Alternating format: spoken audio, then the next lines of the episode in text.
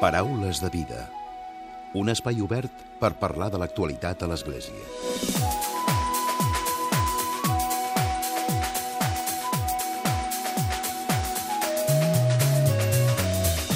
Què tal? Salutacions i molt bon dia, molt bon diumenge. El Bisbat d'Urgell ha acollit recentment la celebració de les Jornades de Teologia amb el lema Pensar i parlar de Déu en el segle XXI. De fet, aquestes jornades estan organitzades per la Delegació d'Ensenyament del Bisbat d'Urgell i en elles hi participa, entre d'altres, hi han participat el sacerdot madrileny Pablo Dors i també el filòsof Francesc Torralba, que és el director de la Càtedra de Pensament Cristià del Bisbat. Els participants van parlar de Déu des de punts de vista diferents, però com a puntals per les persones de fer. De fet, és habitual que a l'inici de la temporada ens acompanyi l'arcabisbe d'Urgell, Joan Enric Vives, per analitzar algunes qüestions de l'actualitat. Ja el tenim a l'altre costat del telèfon i de seguida el saludarem.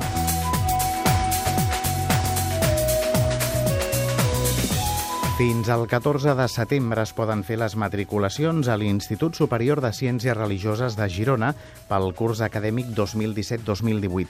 L'ISCREP ofereix estudis de grau en Ciències Religioses i de màster. També ofereix la modalitat d'un cicle de batxillerat eclesiàstic cursant els tres primers anys un seminari de formació per diaques permanents, l'Escola Diocesana de Catequistes i també un cicle organitzat per la Pastoral Familiar. En parlarem avui amb el director de l'Institut Superior de Ciències Religioses de Girona, Pere Carreras.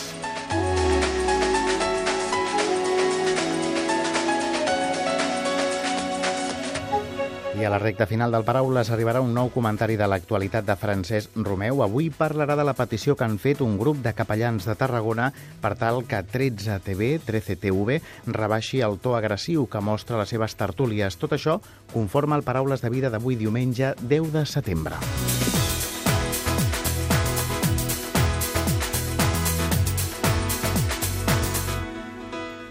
I saludem el bisbe d'Urgell, l'arcabisbe d'Urgell, Joan Enric Vives. Senyor bisbe, molt bon dia.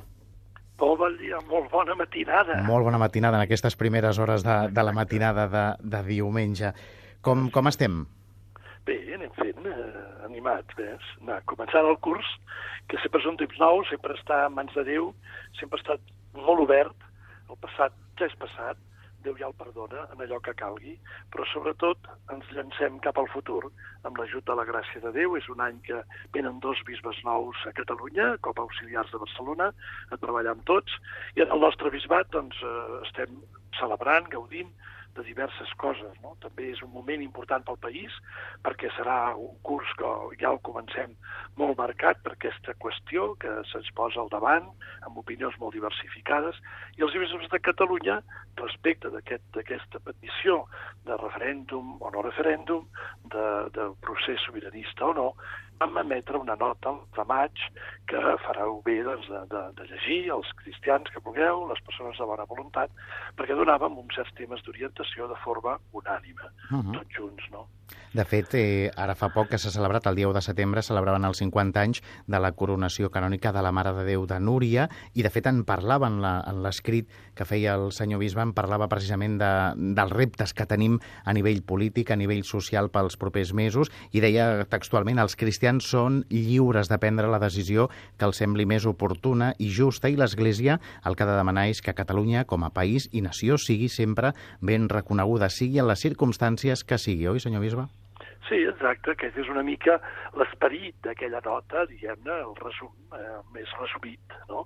De la nota que per unanimitat tots els bisbes, els 12 bisbes, ara venen dos més 14, doncs de Catalunya vam eh, aprovar i, i ho vam dirigir amb humilitat, dèiem, a l'interior del text i amb bona voluntat, per servir, nosaltres volem servir la unió del país, de Catalunya, perquè no, no, pensem el que pensem, passi el que passi, a partir del dia 1 d'octubre hi hagi comunió, respecte, perdó, potser també hi ajuda dels uns i els altres per poder continuar sent una societat unida, en progrés, cap al futur, i, i bueno, sigui d'una manera organitzada o sigui d'una altra manera organitzada, la societat necessitarà sempre aquest caliu, aquesta unitat, aquest, aquest servei als, als altres i, i sobretot solidaritat amb els altres pobles i amb els altres germans. De fet, potser una de les paraules clau que, que ha dit vostè, respecte, no? Que potser sí. eh, sembla que, que s'estigui perdent, no?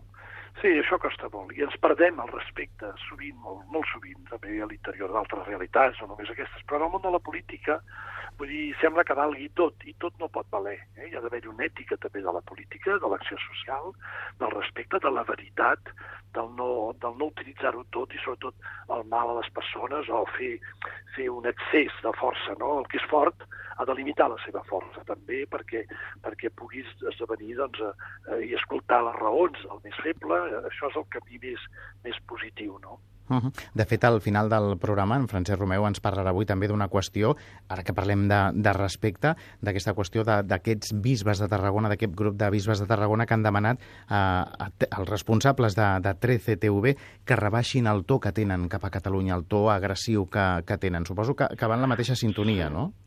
Els bisbes de Catalunya ho havíem demanat ja, sempre ha sigut una qüestió de tensió, perquè des d'altres llocs de la península doncs, es veu tot una mica diferent que no pas des d'aquí. Les sensibilitats són diferents, certament, però també em consta que els responsables de la cadena, actualment, de i Televisió, també han sigut sensibles a, a fer que, que aquest programa, doncs, alguns de les arestes més, més discutides, esperem que sigui així, doncs s'eliminin o bé que es moderin i, i que trobem un estil que, que, que, que no sigui tot tan polititzat, no?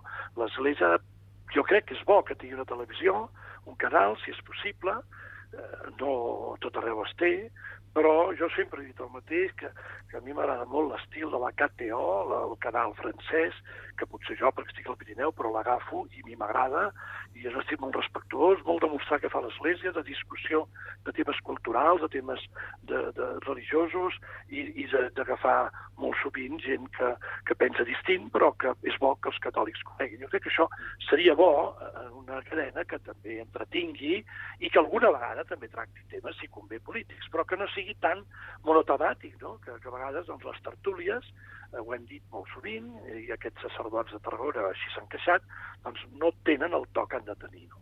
De fet, ja hi ha hagut les primeres passes perquè crec que un dels programes que es feien, que s'emetien els caps de setmana també de to polític, s'ha suprimit sí, o han suprimit. Sí, jo crec que han sigut sensibles també i que hi ha, hi ha una, una, unes ganes de millorar-ho, eh? i també per part de l'Episcopat espanyol unes ganes de respondre millor. Eh? I jo crec que el nou responsable de la cadena doncs també ho intentarem tant, eh, que sigui almenys de no tanta pèrdua econòmica i a més a més doncs, que sigui útil per a l'anunci de l'Evangeli i com a mínim dels valors que dimanen de l'humanisme cristià integral perquè pugui tocar des de la, la societat fins a la política, fins a l'economia, fins al tema dels immigrants, que sigui més plural i que també es, es vegi més a l'interior de la cadena la, la, la pluralitat que també hi ha a l'interior de l'Església, no? hi ha moviments més espirituals, hi ha moviments més socials, és que també apareguin més en l'interior de la cadena. Crec que és un desig que el volen portar a terme. Uh -huh. Parlem, senyor Bisbe, també d'altres qüestions. Parlem d'aquestes jornades de teologia que s'han fet, pensar i parlar de Déu al segle XXI, que ha tingut també convidats de luxe, oi? Sí, aquest any realment hem tingut també nosaltres una assistència de luxe, més de 200 persones, que això ha fet el 30 i 31 d'agost, semblaria que és quasi impossible, però resulta que, que ha estat així. Pablo Dors, aquest sacerdot eh, molt ben preparat, doctor en filosofia i teologia, també com el Francesc Torralba, eh, casat amb sis nanos, cinc nanos, doncs que també eh, ha sabut tots dos presentar o bé més, més d'una manera testimonial, des d'aquests grups que són els grups del desert, els grups del silenci. Ell té un llibre, Pablo Dors, que ha estat un best-seller, eh, perquè ha venut 100.000 exemplars, no? Biografia del silenci, traduït al català també i en castellà, doncs més de 100.000 exemplars venuts i s'ha traduït, no sé si em va dir, 5 o 6 llengües. I després, també, no tant experiencialment, però també, lògicament, Francesc Torralba més situar com avui plantejar la qüestió de Déu, la testimoni, el testimoni sobre la qüestió de Déu, quines són les, les objeccions que hi trobem per poder fer una, una, per trobar una expressió raonable de la nostra fe, no racional, però sí raonable, d'aquest misteri de Déu. I es va referir molt també a aquest títol del gran llibre del Rovira Belloso, gran teòleg nostre, no? el misteri de Déu, que és una manera millor de parlar que no pas problema de Déu o altres maneres. Uh -huh. De fet, són jornades que es fan al Bisbat d'Urgell i que tenen molt d'èxit, no? que el que fan és posar qüestions importants a debat. Sí, portar també persones que hi entenguin, que valgui la pena. Si un mira l'elenc de tots els que han passat en els llargs dels, dels molts anys que això dura, doncs realment queda, queda content de, de veure doncs, que hem intentat portar persones que tinguin coses a dir, que les sàpiguen dir, que les sàpiguen expressar i que ajuda molt a professors de religió, catequistes, sacerdots i cristians actius eh, d'alguna manera eh, que, que vulguin venir-hi, no? -huh. I quan parlàvem, com dèiem abans, quan ens referíem a nivell polític al referèndum del qual en parlava el senyor Bisbe en el document de, de celebració que es va fer l'1 de setembre dels 50 anys de la coronació canònica de la Mare de Déu de Núria. Un moment també especial, no?, aquest, el bisbat. Sí, nosaltres no era pròpiament el dia 1, eh? ho vam celebrar el dia 1, però va ser el mes de juliol que s'esqueien els 50 anys de la coronació canònica de la Mare de Núria, que en aquell moment fou un poc polèmica perquè hi havia unes demandes, va haver un segrest de la imatge, però nosaltres hem passat de llarg d'això, encara que s'ha presentat també a Núria una, un llibre i un, i un, i un reportatge molt ben fet sobre aquest segrest, que també ha pogut posar llum sobre els autors, per fi s'ha sabut que no havia sigut de cap manera el que havien recaigut les primeres grans sospites, sinó són uns altres, i així doncs que no és l'Església la que això va fer-ho, ni va participar-hi, sinó uns altres que van voler cridar l'atenció d'aquesta manera. No és el millor, però bé, tirem endavant, el que es tracta avui és de, de celebrar que, que la Mare de Núria, patrona de tot el bisbat, doncs l'Església, coronar-la, vol dir que el papa Pau VI li donava doncs, una prestança a aquesta imatge i aquesta devoció i aquest patronatge sobre el nostre bisbat i d'alguna manera, com a segon santuari marià de Catalunya, doncs també valorava aquesta imatge i aquesta, i aquesta devoció. De fet, a la seva homilia en parlava de, de l'amor, no? d'omplir d'amor fins i tot les creus. Sí, aquest és un gran tema, no?, que, que ens convé. Eh? L'amor eh, pot, pot il·luminar-ho tot, també el sofriment, i donar-li un sentit. Si un pateix sense amor, si un pateix sense sentit, si no sap per què, si només ho viu mal, malament, eh, per més que a vegades el sofriment eh, es veu molt, molt, molt difícil de, de ser assumit, de ser acceptat, de ser tolerat fins i tot, perquè és molt greu i és molt dur, i, i hem de respectar molt i ser molt, molt, molt prudents i alhora molt respectuosos i silenciosos a prop del qui pateix, perquè ens tocarà a tots un dia o altre la urpa de, de, de, del, del sofriment, però també és veritat que humilment, però els cristians aportem des de Jesús crucificat i ressuscitat, que la creu és també un do que podem oferir amb Jesús per la salvació del món. Això sempre fosc, però si s'intenta amb fe, s'il·lumina. Un pot també canviar la creu i fer-la lluminosa, no? fer-la portadora de sentit i d'amor per a d'altres persones. Eh, almenys intentar-ho i explicar-ho.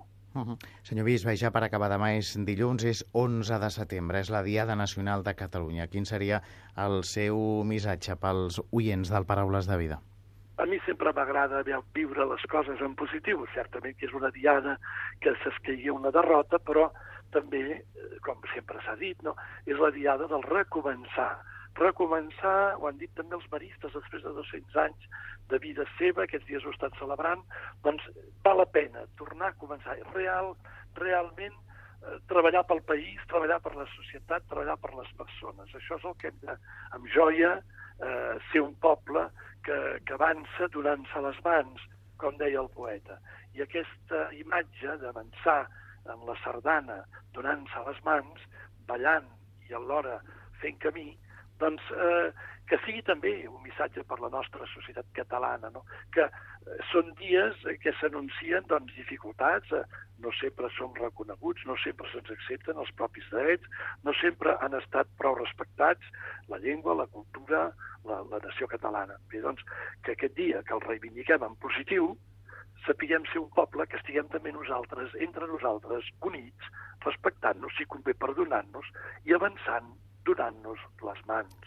Joan Enric Vives, arcabisbe d'Urgell. Senyor bisbe, gràcies per atendre avui la nostra trucada, per acompanyar-nos al Paraules de Vida. Molt bé, endavant amb el programa tot aquest curs i esperem que no, que no ens fessin matinejar tant, a veure si podem aconseguir un horari Ho intentarem. matiner. Ho Vinga, intentarem, moltes gràcies. gràcies a tots i una salutació cordial. Paraules de vida amb Emili Pacheco.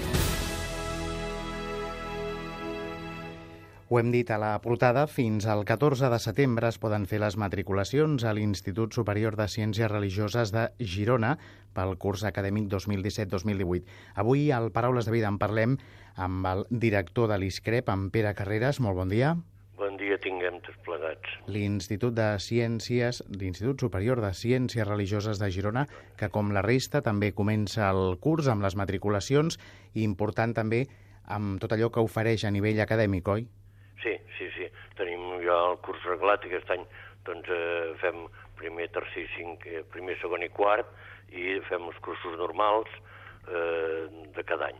Això seria, diguéssim, el, els alumnes que fan eh, el, els cursos de cares a la, al grau i, a la, i al màster de ciències religioses, però també tenim altres coses.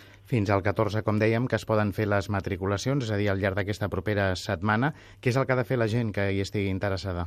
Sí, eh, es pot eh, venir aquí, eh, és a pujar de Sant Martí a Girona, és l'edifici del seminari, i dintre del seminari, doncs i llavors eh, eh, la secretaria està oberta de 6 a 8 a la tarda i ha de venir eh, en aquí a, a apuntar-se, a matricular-se, fer els tràmits i ha de portar simplement, eh, eh, bueno, de tenir el títol d'haver entrat, eh, o sigui, de poder eh, fer estudis universitaris, portar el carnet d'identitat i fotos i no sé què més. Eh? Mm. De fet, són estudis reglats i, per tant, amb la mateixa contundència o amb els mateixos requisits que quan s'estudia a la resta de, de llocs. Si una persona no té l'accés a la universitat, pot fer també els exàmens de major de, de 25 anys o de major de 40. De fet, els instituts superiors de ciències religioses de, totes, de tots els bisbats de Catalunya tenen molt bona acceptació. De quants alumnes parlem eh, habitualment a Girona? Eh, l'any passat ens vàrem moure cap al 80-90 amb, tots el, amb tots els estudis, no només aquests més reglats, sinó d'altres eh, eh, conferències i xerrades que fem eh, també a nivell de, de, de catequesi, de, de, mm, família, de pastoral familiar, fem, tenim altres cursos també, entre tots ens anem cap a 90, 90 alumnes. Eh? I quin és el perfil general de l'alumne de l'ISCREP? Hi ha un bon grup de gent, eh, nois i noies, que es preparen per la DECA, la Declaració Eclesiàstica d'Idoneïtat, de, de, eh, per ensenyament de religió. Per tant, hi ha un bon grup, un gruix d'alumnes que ho fan també per eh, ser professors de religió tant a primària com a secundària, no? Però en general són gent molt de parròquies i gent que ja treballa en coses concretes eh, de moviments i serveis i parròquies del bisbat. I parlem també del que significa, Pere, les ciències religioses avui dia a la societat, a la nostra societat. Sembla que és important, hi ha bastanta gent que està interessada en aquest tema de ciències religioses i sobretot dintre de ciències religioses hi ha molta gent que està interessada en qüestions de la Bíblia, en qüestions de filosofia religiosa, sí, i jo diria eh, els temes més, més profuns, com podrien ser de Déu, de Jesucrist, eh, també està bastant bastant interessats. No, no tenen, és a dir, no, no són gaire, gaire eh, no hi ha massa gent que sigui... Però realment eh, hi ha persones que quan, quan venen aquí i estudien tots aquests temes eh, se'ls obre uns horitzons impressionants, no? Mm, el que passa que avui dia, jo diria, hi ha un desinterès general eh, de tot el tema religiós, i no només desinterès, sinó inclús gent que ven aquí a estudiar, que diu, aviam què serà això i tot plegat, veus que mm, eh, partim de, de, no de zero, sinó de sota zero a l'hora d'haver mm, de, de preparació de, de, de temàtica religiosa, és a dir, i descobreixen un món nou. Jo penso que val la pena fer un curs d'aquests perquè descobreixen tot, una, eh, tot un món que no hi havien pensat. Uh -huh. Pere Carreras, director de l'ISCREP, de l'Institut Superior de Ciències Religioses de Girona. Molta sort amb el nou curs. Gràcies i que vagi bé i gràcies per haver trucat a aquest programa. Paraules de vida. L'Església dia a dia. I abans d'acabar, com sempre, el comentari de l'actualitat de Francesc Romeu. Francesc, molt bon dia. Molt bon dia a tothom. Des del nostre programa volem agrair i felicitar la bona iniciativa de prop d'una trentena de capellans de Tarragona d'expressar la seva pròpia queixa i la de molts dels seus fidels sobre les tertúlies del canal de televisió 13 Televisió, a través d'una carta adreçada al president de la Conferència Episcopal Espanyola, el cardenal Ricardo Blázquez. La queixa no és de cap de les maneres per la seva ideologia o pels seus posicionaments polítics, que poden ser legítimament diferents, sinó per les seves formes insultants i immorals. Com molt bé diuen, en les tertúlies d'aquest canal de televisió lligat a la Conferència Episcopal Espanyola es continuen fomentant els sentiments contraris al respecte, la tolerància, al diàleg i la solidaritat. En aquests últims dies, després dels atemptats a Catalunya, l'agressivitat dels tertulians i dels responsables del programa, si cap, s'ha fet encara més gran. Per això li demanem que, sense dilació i amb valentia, corregeixi o suprimeixin els programes de tertúlia de 13 televisió, que tant de mal fan a la convivència i embruten la imatge de l'Església Catòlica, que sempre ha de fomentar el diàleg sincer i fructífer. Com molt bé ells també assenyalen, no són els primers a expressar aquest sentiment i aquesta queixa. Doncs, si bé recordem, van ser els mateixos bisbes de Catalunya fa quatre anys, l'octubre del 2013, que a través d'una nota de premsa s'expressaven amb aquestes paraules – creiem que produeix un greu escàndol amb molts membres de la comunitat catòlica de les nostres diòcesis i també en nosaltres mateixos el fet que el canal de televisió 13 Televisió, que ha de respectar les persones i les institucions segons el seu ideari, en alguns dels seus informatius i tertúlies opti pel menyspreu, la desqualificació i fins i tot l'insult. Per acabar, i per donar encara més força a aquesta queixa, els capellans de Tarragona posen com a argument d'autoritat les, màxim, les mateixes paraules del papa Francesc en el missatge en ocasió de la Jornada Mundial de les Comunicacions Socials d'aquest any, quan el papa demanava als comunicadors d'exercir la seva labor de forma constructiva, rebutjant els prejudicis contra els altres i seguint un model que fomenti una cultura de la trobada que ajudi a mirar la realitat amb autèntica confiança. Personalment, us he de dir que múltiples vegades m'he escandalitzat del mal model que representa 13 televisió dins el ventall dels mitjans de comunicació que tenim al nostre estat, fent un joc polític molt perillós, vinculant-se a un pensament polític molt concret, però alhora també absolutament immoral aquest canal de televisió està vinculat a la Conferència Episcopal Espanyola, atès que el projecte televisiu de la xarxa és el projecte televisiu de la xarxa radiofònica de la cadena de ondes populares d'Espanya, és a dir, la COPE, de la qual la majoria del seu accionariat econòmic pertany a les diòcesis d'Espanya, algunes ordres religioses i a la mateixa conferència episcopal. Aquesta cadena de televisió, pel que sembla, ha heretat el pitjor estil de fer de la COPE, sobretot si recordem aquella època que la lideraven els periodistes Federico Fernández Los Jiménez Los Santos i César Vidal, i que van donar nom a aquella etiqueta de la bruneta mediàtica. Avui dia, gràcies a les xarxes socials, es poden aturar, seleccionar i fer córrer petits talls de les tertúlies televisives de 13 televisió que són una autèntica infàmia i que ens avergonyeixen, com per exemple en un debat una tertuliana deia que s'havien de fusellar tots els catalans partidaris del referèndum. O la cap de l'oposició del Parlament de Catalunya, Inés Arrimadas, que deia, sense que ningú la contradigués, que jo porto escorta perquè ja sabem què passa a Catalunya. O més recentment l'exministre Margallo, valent-se de l'esposa del president Puigdemont per carregar contra el procés. I repeteixo, no és pel contingut del que es diu, que pot ser legítimament expressat, sinó per les formes irrespectuoses com es diuen. Molts divendres, quan porto la comunió als malalts, alguns em diuen que veuen la missa de cada dia gràcies a 13 televisió, però també molts d'ells em reconeixen que tan pronta com acaba la missa canvien de canal perquè el to de la televisió els ofèn tot i que molts d'ells ideològicament i políticament pensen el mateix, però no poden compartir de cap de les maneres les seves formes tan maleducades i tan irreverents, el mateix que han constatat ara els capellans de Tarragona. Molt bon diumenge a tothom!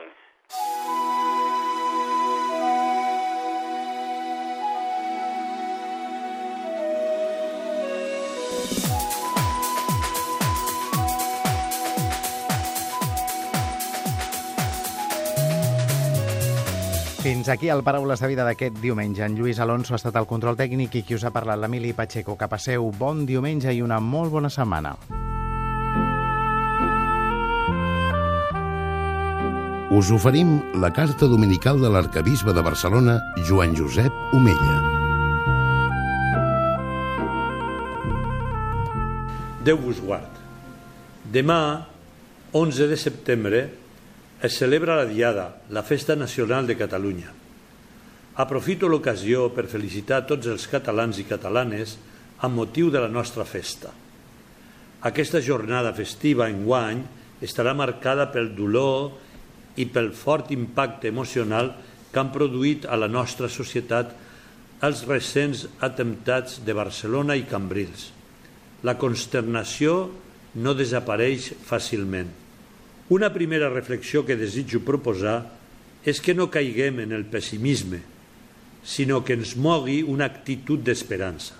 Davant d'aquesta tragèdia viscuda pel nostre poble, hem assistit a moltes mostres de solidaritat a la presència d'exemplars actituds de servei i de fraternitat entre els ciutadans.